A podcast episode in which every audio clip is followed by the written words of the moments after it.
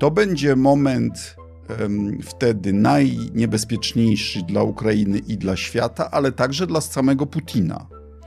Bo jeśli on wyda te, taki rozkaz, a to nie jest kwestia naciśnięcia guzika, bo to nie są rakiety międzykontynentalne, tylko musiałby wydać taki rozkaz generałom. Ja zawsze uważałem, że jesteśmy krajem ludzi, którzy potrafili się sprzeciwić komunie, którzy mają pewien kręgosłup moralny, którzy mają pewną odwagę cywilną. A tu widzę takie tabuny oportunistów, którzy są gotowi duszę zaprzedać dla jakichś osobistych yy, yy, korzyści. Panie prezesie, tak, ja za panem w ogień, ale do granicy prawa do granicy konstytucji, do granicy prawdy. Znaczy, nie zaprzedam panu duszy. Mogę, mogę wypełniać pewne funkcje, ale jak pan przekroczy pewne granice, to ja wysiadam. No tak było ze mną. Albo zacząć używać broni atomowej ze wszystkimi tego konsekwencjami. Ludobójstwo po pierwsze, ale odpowiedź Zachodu możliwa to drugie. Albo e, skończyć z Putinem. Jeżeli interesuje Cię biznes, przedsiębiorczość, pieniądze, zasubskrybuj nasz kanał i kliknij dzwoneczek. Partnerami przygód przedsiębiorców są RocketJobs.pl, portal pracy przyszłości, gdzie znajdziesz nowych członków Twojego zespołu. Mercaton Asi, inwestycje z pozytywnym wpływem. SoFinanse, eksperci w dziedzinie finansów. IBCCS Tax, spółki zagraniczne, ochrona majątku, podatki międzynarodowe.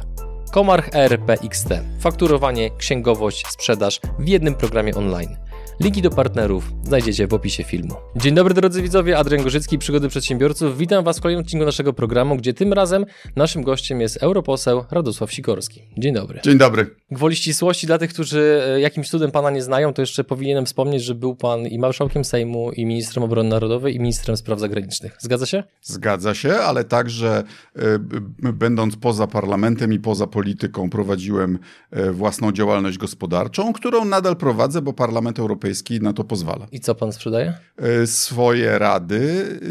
Proszę sobie wyobrazić, że e, takie, takie doradztwo geopolityczne teraz w dobie wojny na Ukrainie e, no, spotyka się z jeszcze większym zainteresowaniem wśród poważnych firm. Dobre są te pieniądze? No nie narzekam. Okej, okay, dobra. To pierwsze pytanie. E, nie jest tajemnicą to, że pomimo sankcji, które zostały nałożone względem Rosji przez kraje Zachodu, Rosja w tym roku najprawdopodobniej zarobi znacznie więcej na ropie i gazie, między innymi z uwagi na to, że Indie dokonały potężnych zakupów. I teraz mm, biorąc pod uwagę to, że jest pan bardzo blisko tych wszystkich wydarzeń, które dzieją się w Parlamencie Europejskim, co w najbliższym czasie szykuje Unia, żeby jeszcze bardziej w pewien sposób przeszkodzić działaniom Rosji i doprowadzić do tego, żeby wojna zakończyła się jak najszybciej? Rzeczywiście ceny e, ropy i gazu wzrosły jeszcze przed wojną. Gazu zdaje się częściowo e, przez e, manipulację cenami w wykonaniu Gazpromu. Cena ropy jest bardziej autonomiczna. Y, nie wiem, czy Rosja będzie mogła użyć y, dla wojny wszystkich tych dochodów, y, no bo przecież ma do obsługi zadłużenie zagraniczne, którego nie spłaca. I, i, proszę pamiętać, że sankcje to nie tylko zamrożenie na przykład rezerw Banku Centralnego Rosji, czyli to, co Putin sobie oszczędził, co, co, co miało być jego funduszem wojennym, to także olbrzymie restrykcje na rosyjski import. Więc nawet gdy Rosja będzie miała pieniądze, to wielu rzeczy po prostu nie, będzie, nie, nie jest jej wolno importować i dzięki temu na przykład zatrzymała się produkcja czołgów w, w Rosji, no bo już nie docierają kom, komponenty. Rosja jest wiel gospodarką wielkości Włoch, więc y, y, nie produkuje wszystkiego, czego potrzebuje. Y, jest, okazuje się teraz bardziej zintegrowana z gospodarką światową niż jej się wydawało. I że wobec tego odcięcie od światowej gospodarki będzie ją dużo kosztowało. Natomiast dla nas nauczka jest taka, że trzeba odejść od tego spowalniania przez obecny rząd transformacji energetycznej i trzeba e, tą transformację przyspieszyć. Gdyby nie decyzja o właściwie zamrożeniu budowy wiatraków w Polsce, dzisiaj mielibyśmy większą proporcję prądu produkowanego z wiatraków, a więc można by zrezygnować z jakiejś ilości na przykład rosyjskiego węgla i tak dalej. Mhm.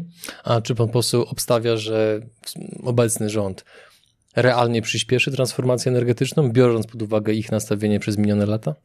No, ma teraz dodatkowy powód, bo y, ten powód y, dotychczasowy to, była, to był klimat. Oni są wśród tych, y, którzy są sceptyczni, więc się temu opierali.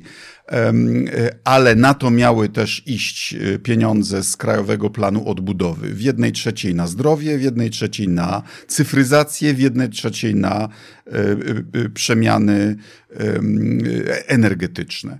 No więc teraz mamy po pierwsze system unijny, który został zaprojektowany po to, żeby stworzyć bodźce do odchodzenia od węgla. I to trzeba przyjąć do wiadomości wreszcie. I po drugie, jest to teraz kwestia także bezpieczeństwa narodowego, odbierania Putinowi dochodów ze sprzedaży węgla, ropy i gazu. Mhm. Jaki jest w ogóle teraz status właśnie Krajowego Planu Odbudowy? Te środki już są uwolnione, jeszcze nie są, za chwilę będą. Jak to wygląda? No, prawie wszystkie kraje już je otrzymały.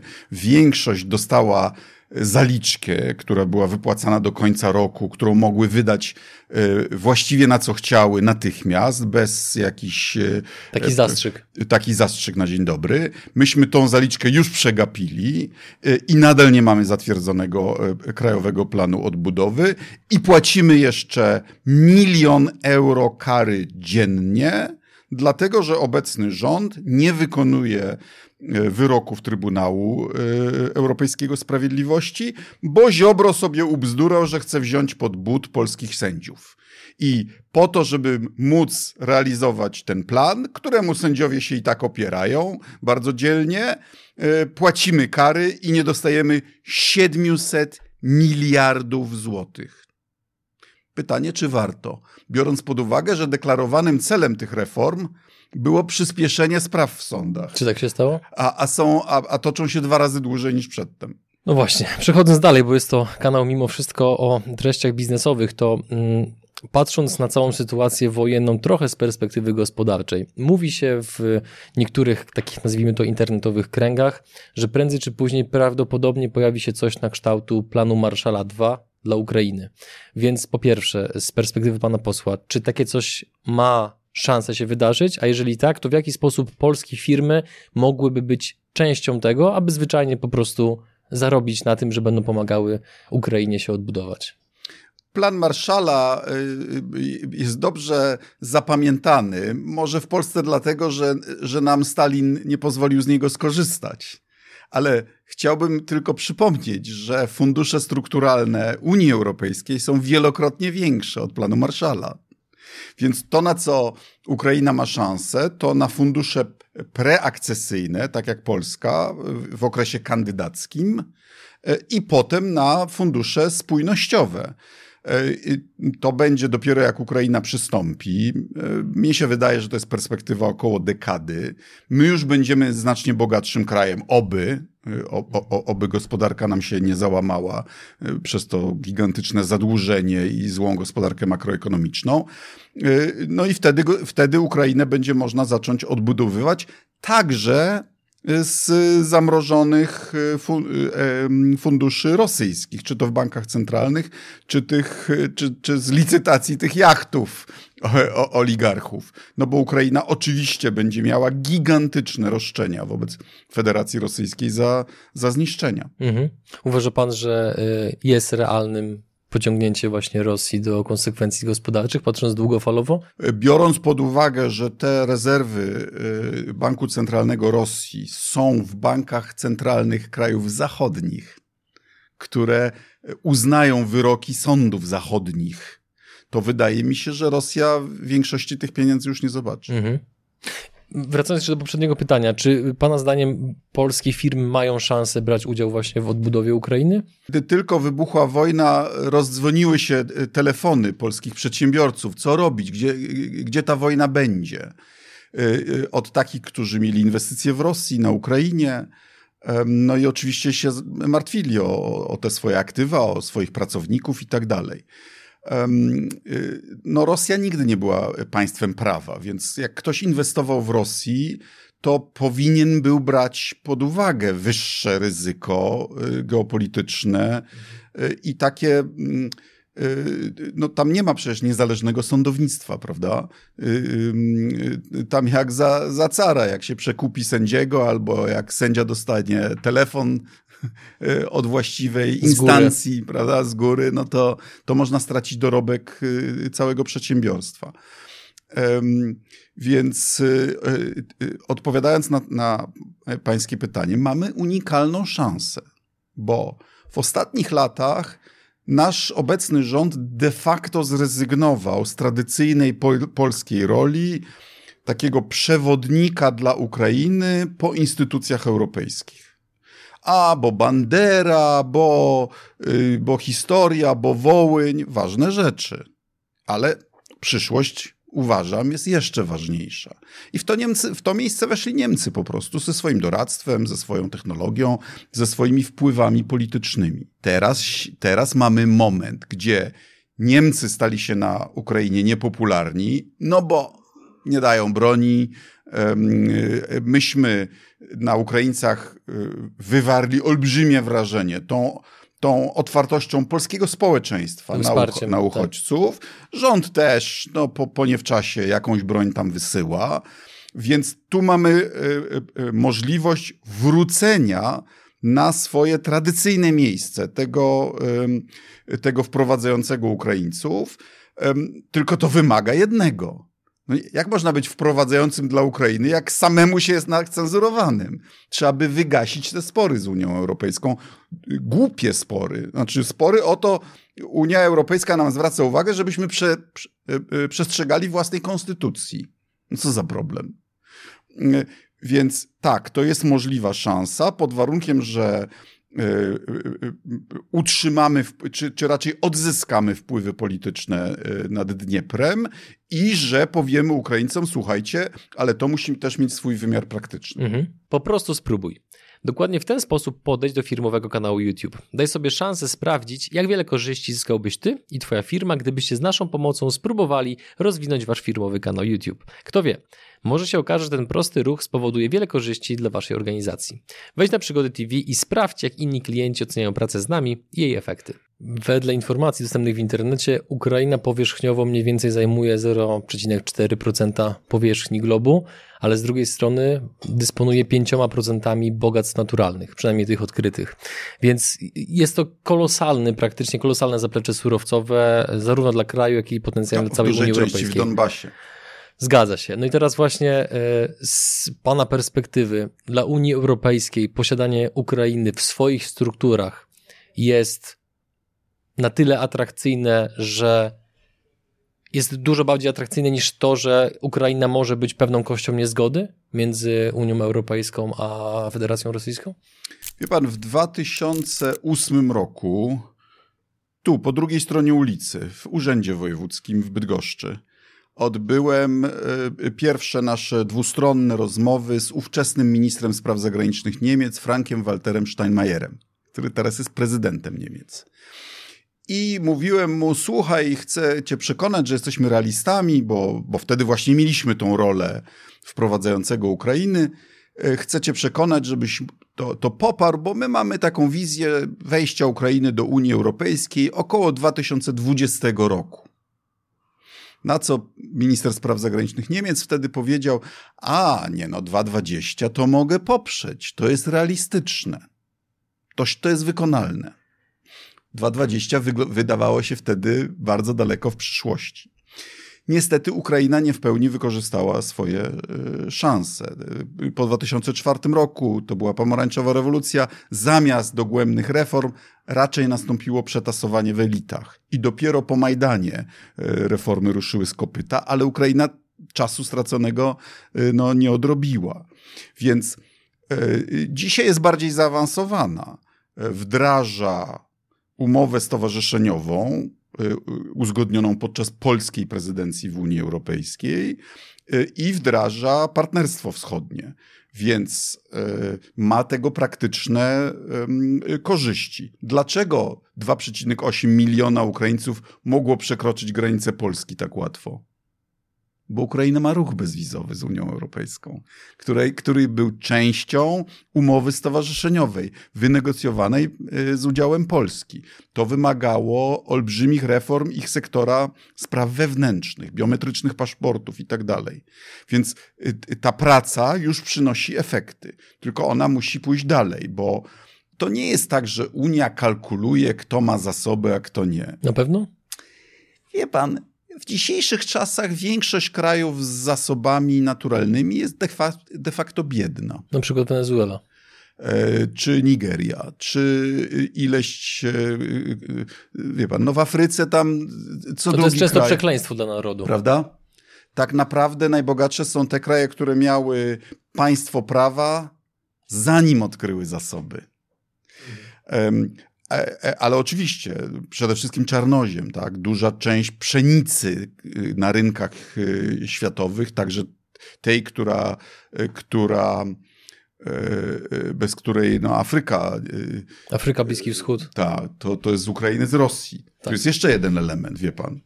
Ukraina nie może obsiać, e, e, czyli ceny pójdą w górę, to Rosja sprzeda po wyższych cenach pszenicę, zboże. Mhm. I zarobi jeszcze więcej. I zarobi jeszcze więcej. Idąc dalej, wiele osób z dość dużym niepokojem patrzy na Daleki Wschód, na to, co się dzieje obecnie w Szanghaju, gdzie są e, zamykani ludzie i to tak naprawdę, przynajmniej wedle relacji internetowych, te kwarantanny są na zupełnie innym poziomie niż cokolwiek, co widzieliśmy w Europie. I teraz z perspektywy e, pana posła, czy jest zagrożenie, że lockdowny powrócą? No bo to miało kolosalny, wręcz drastyczny wpływ na gospodarkę Polski, ale nie tylko. Ja nie uważam się za specjalistę od, e, e, od pandemii, ale pamiętamy, że na początku tej pandemii e, Chińczycy dość chełpili się tym, że o, u nas te lockdowny to prawdziwe. Proszę bardzo, potrafimy zaspawać drzwi do klatki schodowej, prawda? E, e, w czasie dwóch lat wydawało się, że my to gorzej przechodzimy, ale zdaje się, że wyszło na nasze, to znaczy e, opracowaliśmy lepsze szczepionki, a spora część naszych społeczeństw przechorowała, no i dzisiaj już, już to chyba wygasa. Chińczycy mają podwójny problem, bo oni mieli przez 30 lat taki boom finansowany długiem, a, a, a którego kołem zamachowym były inwestycje w infrastrukturę. No i zbudowali infrastrukturę. Mają na przykład więcej e, szybkich kolei niż cała reszta świata razem wzięta. Tak? Tylko, że ta marginalna e, rentowność kolejnych inwestycji już jest y, y, y, zerowa albo poniżej zera. Więc e, im grozi klasyczny kryzys zadłużenia po okresie y, szybkiego wzrostu. Jak jeszcze do tego dołożyć pandemię, no to tam w tej chwili prognozuje się wzrost tylko rzędu 4,5%, co w Europie byłoby dużo, ale tam niekoniecznie. Y, y, tam partia komunistyczna się martwi, że, że, że wzrost poniżej 8% to jest zagrożenie dla jej władzy. Idąc dalej, jaki jest obecnie wizerunek Polski w Unii Europejskiej? No bo z jednej strony były te e, lata kłótni, które nadal pewnie występują z tego, co pan poseł mówi i z tego, co też słychać w mediach. Z drugiej strony jest potężny wysiłek przede wszystkim Polaków. Na to trzeba położyć nacisk. Rząd oczywiście też robi pewne czynności, ale uważam, że przede wszystkim tutaj chwała należy się Polakom i, i, i wielkim sercom naszych rodaków, że przyjęli tylu gości pod swój dach. Więc jaki jest obecnie wizerunek Polski w Unii Europejskiej? Y, ten wizerunek, jeśli chodzi o reakcję na wojnę w Ukrainie, jest taki, jak pan mówi, ale wizerunek generalnie, y, no, no to jest po prostu tragedia, to co się stało w ostatnich latach. Wie pan, w 2014 roku Polska w prawie wszystkich rankingach Oczywiście można uważać, że co nam rankingi, no ale one jednak coś odzwierciedlają, prawda? Jacyś specjaliści w kolejnych sektorach te rankingi tworzą, one o czymś świadczą. Czy to percepcji korupcji, czy wolności prasy, czy demokracji, czy rządów prawa, czy wartości marki Polska ważne dla biznesu, prawda? Absolutnie. ten sam towar y, z napisem Made in Germany albo Made in Greece ma inną wartość, prawda? Mhm. Więc y, to wszystko szło nam w górę. I byliśmy y, postrzegani jako taka południowa Skandynawia już prawie. To jest komplement na swój sposób. I to był komplement. Niemcy zaczynali używać słowa polnische Wirtschaft jako komplement gdy się dowiedzieli w kryzysie finansowym, że Polska ma to, o czym oni dopiero rozmawiali, czyli y, y, y, maksymalny pułap zadłużenia.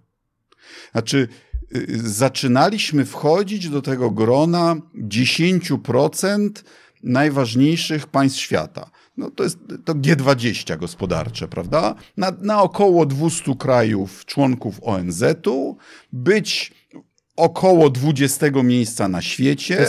Biorąc pod uwagę naszą historię, to było naprawdę świetne, duże osiągnięcie. I co się stało przez 7 lat? No we wszystkich tych rankingach spadliśmy i to czasami o kilkadziesiąt pozycji. I to nie jest dobrze. Mhm. E, na czym Pana zdaniem polega fenomen Kaczyńskiego? Dlaczego on budzi taki respekt wśród polityków? Dlaczego politycy się go boją? Dlaczego tak bardzo się z nim liczą? Przynajmniej w jego własnych ja strukturach. Bym tego, ja, bym tak, ja bym tego tak nie określił. Znaczy boją się ludzie jego własnej e, formacji, bo on rozdaje stanowiska.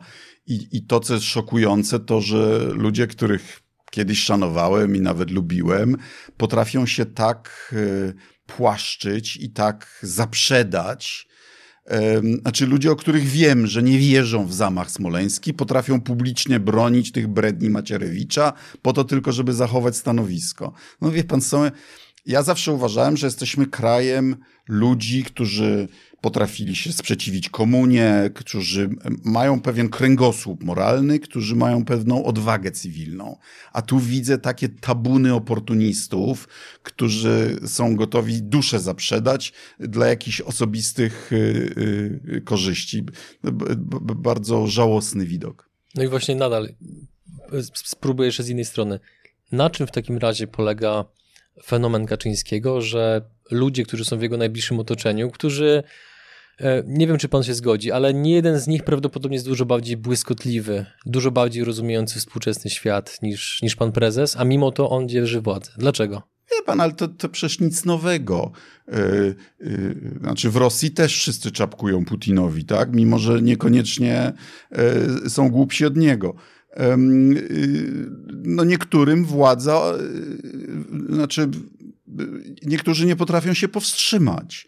Tylko to nie jest wtedy krąg cywilizacji zachodniej. W cywilizacji zachodniej um, jednak obowiązują jakieś standardy, po, po, poniżej których nie schodzimy i, i w pewnym momencie mówimy, panie prezesie, tak, ja za panem w ogień, ale do granicy prawa do granicy konstytucji, do granicy prawdy. Znaczy nie zaprzedam panu duszy. Mogę, mogę wypełniać pewne funkcje, ale jak pan przekroczy pewne granice, to ja wysiadam. No tak było ze mną. I to było przy pierwszym raporcie Macierewicza, który uważałem za skandaliczny, za sposób likwidacji WSI.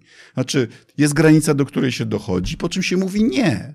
A niektórzy nie potrafią powiedzieć nie. Mówi się obecnie, że y, Putin bardzo mocno nie doszacował tego, jak bardzo Europa się zjednoczy w obliczu e, konfliktu w Ukrainie. Natomiast e, obecnie trwają wybory we Francji.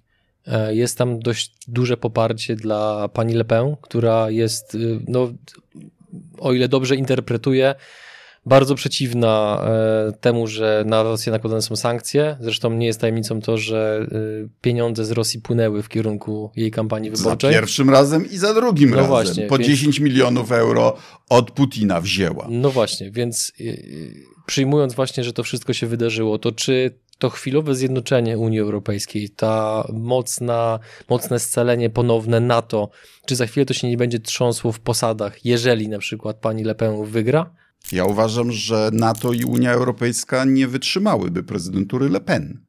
Ona mówi otwarcie, że chce wyjść jako Francja, ze struktur wojskowych NATO, chce drastycznie obniżyć składkę francuską do funduszy europejskich, czyli y, ja to odczytuję jako chęć likwidacji funduszy spójnościowych, czyli to głównie na czym Polska korzysta i uważa, że y, trzeba zawrzeć strategiczny sojusz z Rosją i otwarcie mówi, nawet w Warszawie to mówiła, że Ukraina na przykład jest w strefie wpływów Rosji, więc Rosja może tam robić co chce. To jest wszystko sprzeczne z podstawowym interesem narodowym Polski.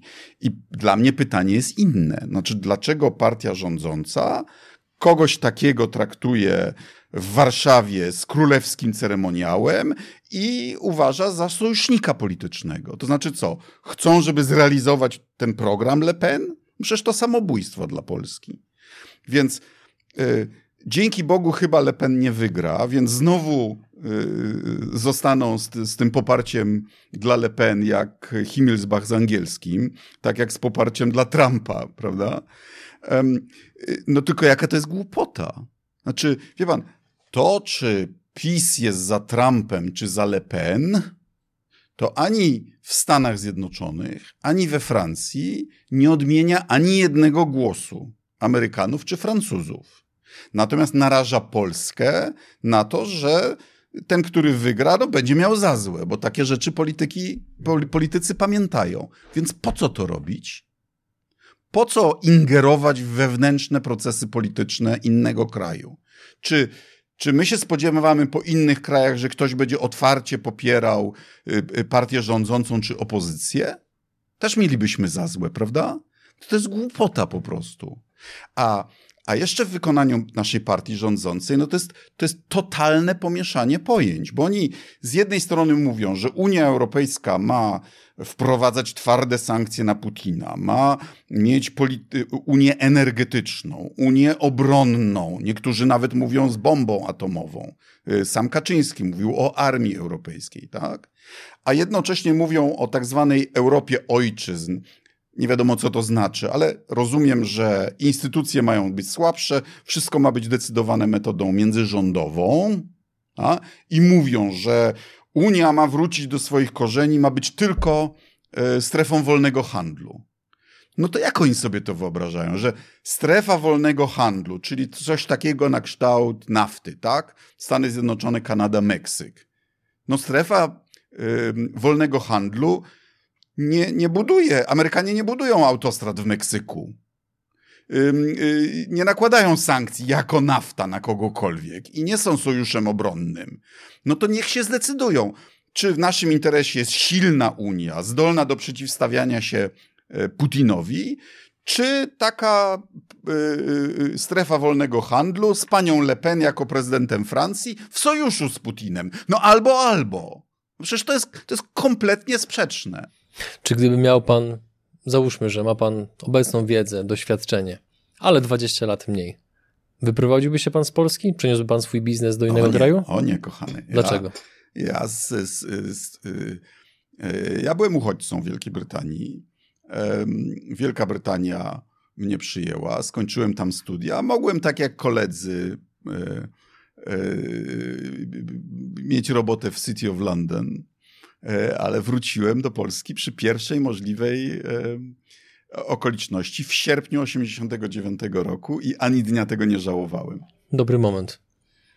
Pierwszy możliwy dla mnie. Mhm. I co więcej, apeluję do naszych rodaków, żeby też wracali.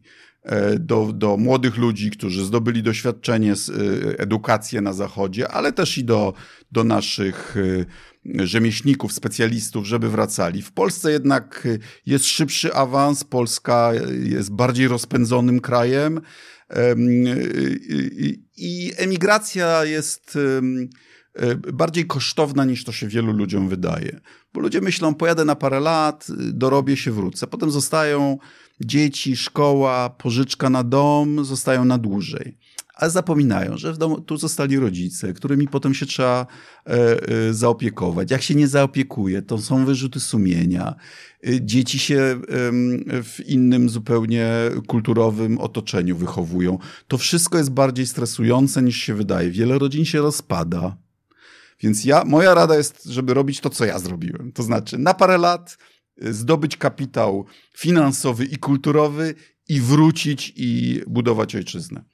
Idąc dalej, przygotowując się do e, rozmowy z panem, czytałem taki artykuł w, wprost, gdzie jest napisane Radosław Sikorski przewidział wojnę w Ukrainie i cytat Wziął wiadro, napełnił je zimną wodą i wylał na nasze głowy. Powiedział, że jeszcze w tym tygodniu będzie wojna.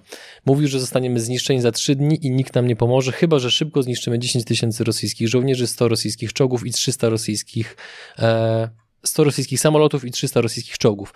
Dodawał, że tylko wówczas inne kraje dadzą nam broń i nałożą sankcje na Rosję, tłumaczył. Według doradcy Wołodymira Zełęńskiego ukraińscy politycy byli zszokowani słowami Radosława Sikorskiego. Kiedy to powiedział, zapadła ogłuszająca cisza. Wszystkie nasze oczy wychodziły nam z orbit, ponieważ jego słowa były zupełnie inne niż to, co wszyscy nam mówili i zupełnie nie było to, co chcieliśmy usłyszeć. To było jak słuchanie Herolda Apokalipsy, podsumował. I teraz, po pierwsze, skąd pan o tym wiedział? Że ta wojna wybuchnie? No to w ogóle uważam za najwyższy możliwy komplement, y, bo już po raz drugi przestrzegałem y, Ukraińców. W 2014 roku przestrzegałem ich przed stanem wojennym i, i namawiałem do podpisania umowy między opozycją a Janukowiczem. Dzięki Bogu e, posłuchali. E, e, Rada Majdanu wtedy podpisała, zagłosowała za tym porozumieniem 35 do 2 e, i mas kolejnej masakry udało się zapobiec. Tym razem też uważałem, że powiedzieć im wedle mojego najlepszego osądu, jak będzie, no to przysługa, bo wtedy można się, yy, można się przygotować, prawda? Yy, armia ukraińska się przygotowała, prezydent Zelenski nie do końca, bo on ogłosił mobilizację dopiero po wybuchu yy, wojny, bo on nie wierzył, że wojna będzie. I między nami mówiąc, to gdyby uwierzył wtedy, gdy Amerykanie zaczęli go ostrzegać już w październiku, listopadzie, to mógł zmobilizować gospodarkę, przestawić choćby pre, y, przemysł obronny na y, produkcję amunicji 24 godziny na dobę i może dzisiaj Ukraina miałaby więcej amunicji. Ja nie miałem żadnych y, uprzywilejowanych informacji. No, tylko, y, wie pan, no, doświadczenie powoduje, że się pewne rzeczy widzi inaczej. W jednym miejscu w internecie pan powiedział, że bardzo silnym sygnałem z pana perspektywy, że będzie wojna, było to, że na granicę dostarczono krew. To już w takim, jeśli chodzi o, o, o, o to, kiedy ona będzie. Natomiast ja uważałem, że ona będzie, gdy przeczytałem w zeszłym roku esej Putina o tym, że Ukrainę trzeba albo zwasalizować, albo podzielić. I gdy się dowiedziałem, że kazał przeczytać ten esej wszystkim żołnierzom zawodowym. Mhm. Wie pan, no po co się każe żołnierzom przeczytać taki esej? Żeby po... uwierzyli w wizję. Tak jest.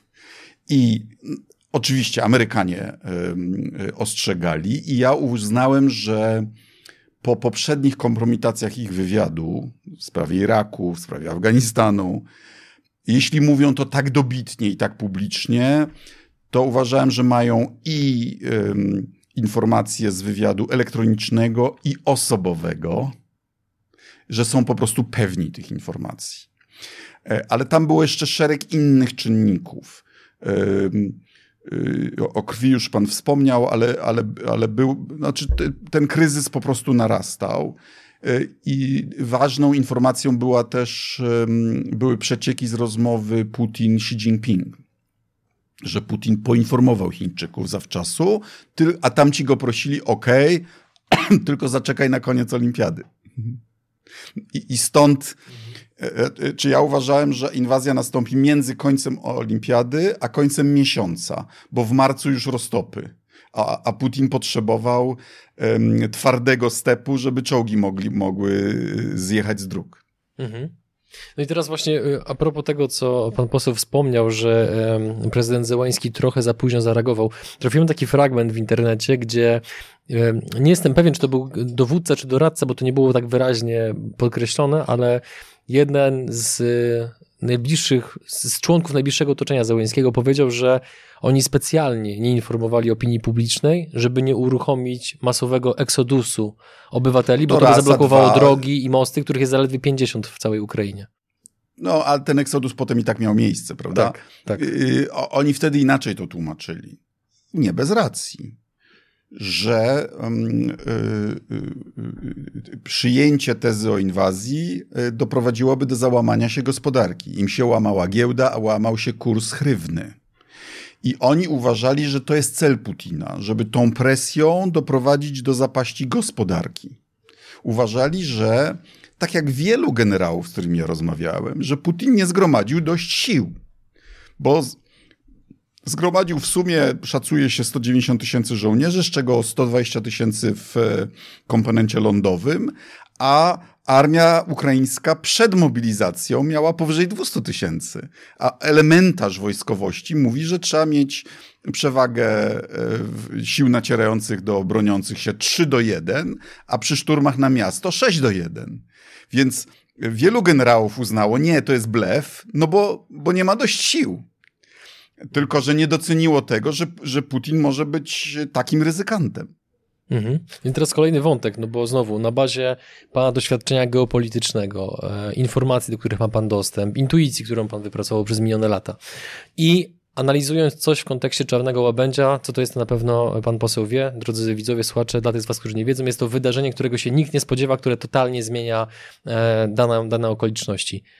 Czy realnym jest, żeby pogróżki Rosji, które przez te wszystkie lata były wielokrotnie powtarzane przy różnych okazjach, że użyją broni atomowej. Tego nie można do końca wykluczyć. Rosjanie nie tylko grożą, ale i to ćwiczą. Na przykład w, trakcie tych co trzyletnich e, ćwiczeń Zapad, które e, były nieźle inscenizowane. Dzisiaj wiemy, że były nierealistyczne i nie pokazywały prawdziwego potencjału e, armii rosyjskiej, przeszacowywały go, ale one się zawsze kończyły symulowanym użyciem taktycznej broni atomowej, czyli tej takiej, której się używa na polu bitwy. Nie można wykluczyć tego, że jeśli Putin dojdzie do wniosku, że przegrywa, no to spróbuje wykorzystać ostatniego asa w rękawie. To będzie moment wtedy najniebezpieczniejszy dla Ukrainy i dla świata, ale także dla samego Putina. Bo jeśli on wyda te, taki rozkaz, a to nie jest kwestia naciśnięcia guzika, bo to nie są rakiety międzykontynentalne, tylko musiałby wydać taki rozkaz generałom, to generałowie wtedy mają do wyboru albo zacząć używać broni atomowej ze wszystkimi tego konsekwencjami. Ludobójstwo po pierwsze, ale odpowiedź Zachodu możliwa to drugie, albo e, skończyć z Putinem. No bo nie można nie wykonać rozkazu, prawda? Za to są konsekwencje. Wtedy trzeba zlikwidować wydającego ten rozkaz. Mhm. Czy właśnie w tym kontekście, e, Pana zdaniem, e, to pytanie już zadawałem nie raz, nie dwa naszym, naszym gościom, którzy jakkolwiek mogą się w tym temacie wypowiadać. Czy zamach na Putina jest realny? Wie pan, jeden z przywilejów bycia w opozycji jest taki, że można mówić, co się myśli, bo nie rodzi to konsekwencji międzypaństwowych. Więc ja uważam y, to, co powiedziałem w y, pierwszym dniu inwazji, gdy mnie zapytano, no tak trochę spontanicznie powiem szczerze, jaka była najboleśniejsza, jaka byłaby najboleśniejsza sankcja na Putina. No i chyba w sensie fizycznym y, to było słuszne, że kula w łeb no, byłaby najboleśniejsza. To byłoby najłatwiejsze i najtańsze dla Ukrainy, dla Rosji i dla świata rozwiązanie. Znaczy, gość jest już zbrodniarzem przeciwko ludzkości, bo zaczął e, nielegalną, niczym nieusprawiedliwioną wojnę, więc najlepiej by było, gdyby jego własni ludzie wymierzyli mu sprawiedliwość. Nie zrobili tego jeszcze, bo? No bo jest chroniony przy, prze, przez różne instytucje. Mówi się na przykład, że w, wojs- w Moskwie prawie wojska nie ma.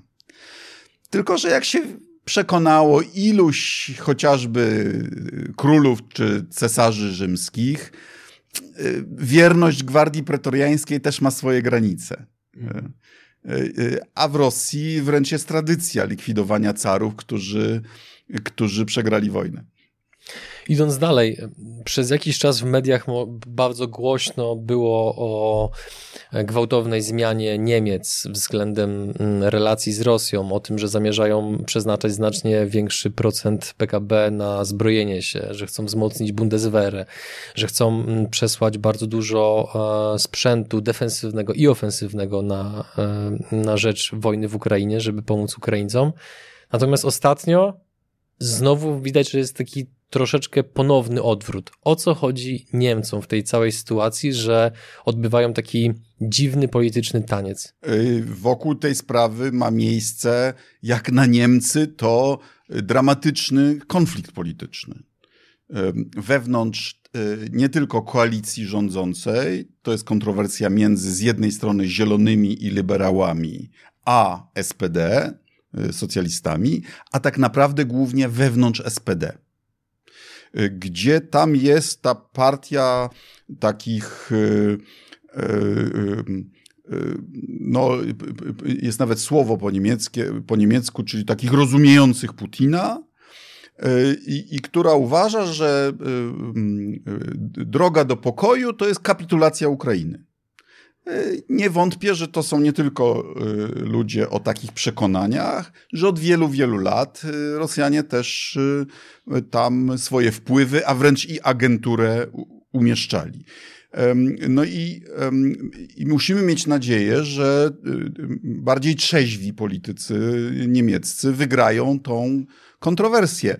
I, I nie sądzę, aby dobrym sposobem było takie w czambu potępianie Niemiec czy Francji, tak jak to robi nasz rząd i nasza partia rządząca. Znaczy, tam trzeba wpłynąć y, na, na rozsądnych Niemców, a jest ich sporo. Mieliśmy list y, kilkudziesięciu ekspertów do spraw polityki zagranicznej.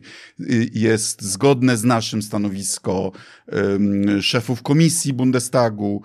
Prezydent Niemiec wręcz przeprosił za swoje stanowisko wobec Nord Streamu. Jest czym grać, no ale trzeba grać, a nie tylko mówić zły Niemiec, tak jak to nasi potrafią. Mhm. Jakby pan po prostu skomentował to, że z jednej strony Zachód się jednoczy, e, mrozi e, majątki oligarchów, zamraża... Zachód, czyli my. Tak. Znaczy ja nie akceptuję tego używania słowa Zachód czy Unia jako jacyś oni. Oczywiście, oczywiście. Do, jakby absolutnie tak. Natomiast jak to jest, że z jednej strony właśnie dokonujemy tak, jakby nie patrzeć, trochę precedensowych działań, a z drugiej strony jest zielone światło na to, żeby w Berlinie były marsze prorosyjskie. Jak to może występować jednocześnie? A ja tutaj spe specjalnej sprzeczności nie widzę. No, w demokracji wolno demonstrować. Te marsze zresztą są bardzo ciekawe, moim zdaniem. Podejrzewam, że kontrwywiad niemiecki je e, monitorował i słusznie. Jakbym miał zgadywać, to, to są e, zwolennicy AfD, czyli skrajnej prawicy, tej, która oklaskuje PiS w Parlamencie Europejskim oraz y, tak zwanych późnych przesiedleńców ze Związku Radzieckiego. Ja, znaczy ludzi, którzy wyjechali z terenów Rosji i Związku Radzieckiego do Niemiec, trochę tak jak u nas w latach 70. i 80., deklarując się jako Niemcy. Mhm. Po czym teraz się okazuje, że tak naprawdę są rosyjskimi nacjonalistami. To jak ja bym był władzą niemiecką, to ja bym powiedział, e, dysponując zdjęciami z takich demonstracji, panowie i panie, to wyście kłamali na swoich e, papierach imigracyjnych. Skoro wy się nie uważacie za Niemców, tylko za rosyjskich nacjonalistów, to wracajcie do ojczyzny. Jest pan takim zadeklarowanym zwolennikiem Unii Europejskiej, prawda? Oczywiście. No i teraz jakby pan to skomentował, że biorąc pod uwagę postawę Paryża, patrząc co robi Berlin, czyli dwa super istotne ośrodki dla postrzegania Unii Europejskiej jako całości, jako tworu, który ma sens, to czy te dziwne ruchy ze strony Paryża czy ze strony e, Berlina nie podkopują wizerunkowo Unii Europejskiej i w oczach obecnych członków, i w oczach potencjalnych członków tej organizacji? E, mam sporo uwag i publicznie krytykuje Francję i Niemcy, ale nie tak jak nasz rząd, bo nasz rząd potrafi ich tylko publicznie atakować. I to zresztą w kompletnie pokrętny sposób. To znaczy mówi tak, Macron rozmawia z Putinem, absurdalny zarząd, bo sam Zelenski chce rozmawiać z Putinem. I e, e, jest za mało antyputinowski, wobec tego popieramy Le Pen, która jest proputinowska. Jest w tym jakiś sens? Ja mam inną krytykę wobec Francji i Niemiec. Mianowicie myśmy w traktacie z Lizbony, przypominam, wynegocjowanym przez rząd PiSu i ratyfikowanym przez Lecha Kaczyńskiego, a podpisanym przez Tuska i przeze mnie i, i przez całą Europę, zobowiązali się do prowadzenia wspólnej polityki zagranicznej i bezpieczeństwa. Więc to powinno być tak. Na Radzie do Spraw Zagranicznych uzgadniamy wszyscy, włącznie z Niemcami i Francją, jaka jest nasza polityka wobec Putina, sankcje, dostawy broni na Ukrainę, konfiskaty mienia oligarchów, samego Putina, jego rodziny itd., tak itd. Tak Tam się kłócimy, prawda? Niemcy mówią, nie, z tym gazem to do końca roku. Polska mówi, no a my mamy z LPG problem, to my też z LPG do końca roku, prawda? Tam, tam do, e, zawieramy kompromis na podstawie wypadkowej interesów narodowych i wedle traktatu wtedy wysoki przedstawiciel do spraw polityki zagranicznej i przewodniczący Rady powinien już nas y, reprezentować i przedstawiać to wspólne stanowisko Putinowi na przykład. Albo powinno być tak jak jeszcze za Catherine Ashton, że wysoki przedstawiciel wysyła grupy ministrów w różne misje. Więc na przykład wysyłała mnie i Karla Bilta czy jak ja zaproponowałem, y, że trójkąt weimarski, czyli właśnie Polska, Francja i Niemcy rozwiąże problem y, w Kijowie Majdanu, to czy możemy mieć na to placet Unii Europejskiej? Tak, możecie. I tu jest moja krytyka y, Niemiec i Francji, że one działają samotrzeć działają samolubnie. No, Macron, wiadomo, robi sobie kampanię yy, yy, wyborczą, ale Niemcy działają, bo chcą utrzymać specjalne stosunki z Rosją. To jest naganne. Polska tu powinna nalegać. Słuchajcie, łamiecie traktat. Bo jeśli to jest wypracowane wspólnie, no to Polska ma wtedy na to jakiś wpływ. Morawiecki ciągle mówi jacyś oni, a to on jest członkiem Rady Europejskiej. To on powinien na Radzie Europejskiej przekonać resztę do polskiego punktu widzenia. To pisma swojego komisarza w y, Radzie Komisarzy, a nie opozycja. Tam nie rządzi Tusk. PiS współrządzi Unią Europejską, nie Tusk. Znaczy, biorąc pod uwagę to, że e, umowy międzynarodowe są łamane, jak chociażby memorandum budapesztańskie. Czy zdaniem... Które nie było traktatem, tylko właśnie memorandum, prawda? Tak.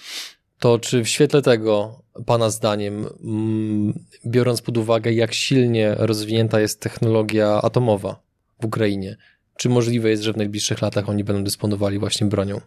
Biorąc też pod uwagę konflikt z Rosją i to, że są, czują się zagrożeni, patrząc tak realnie. No, czy wie pan, spotkałem się nawet z komentarzami, że skoro nie dotrzymano memorandum budapesztańskiego, na podstawie którego e, Ukraina oddała, wtedy to był bodajże trzeci lub trzeci. czwarty tak. arsenał atomowy, tylko że pamiętajmy, że Ukraina nie miała kontroli operacyjnej.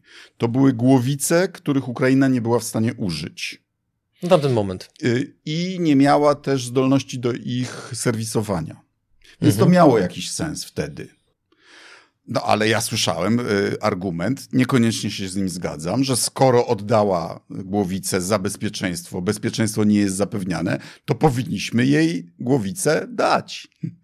A, a Ukraina, zdaje się, no, ma te kilka reaktorów, to są starego typu sowieckiego, które służyły właśnie temu, żeby produkować pluton. Mhm. Więc to, co jest najtrudniejsze do pozyskania, czego na przykład nie może pozyskać Iran, Ukraina, zdaje się, może mieć dość szybko.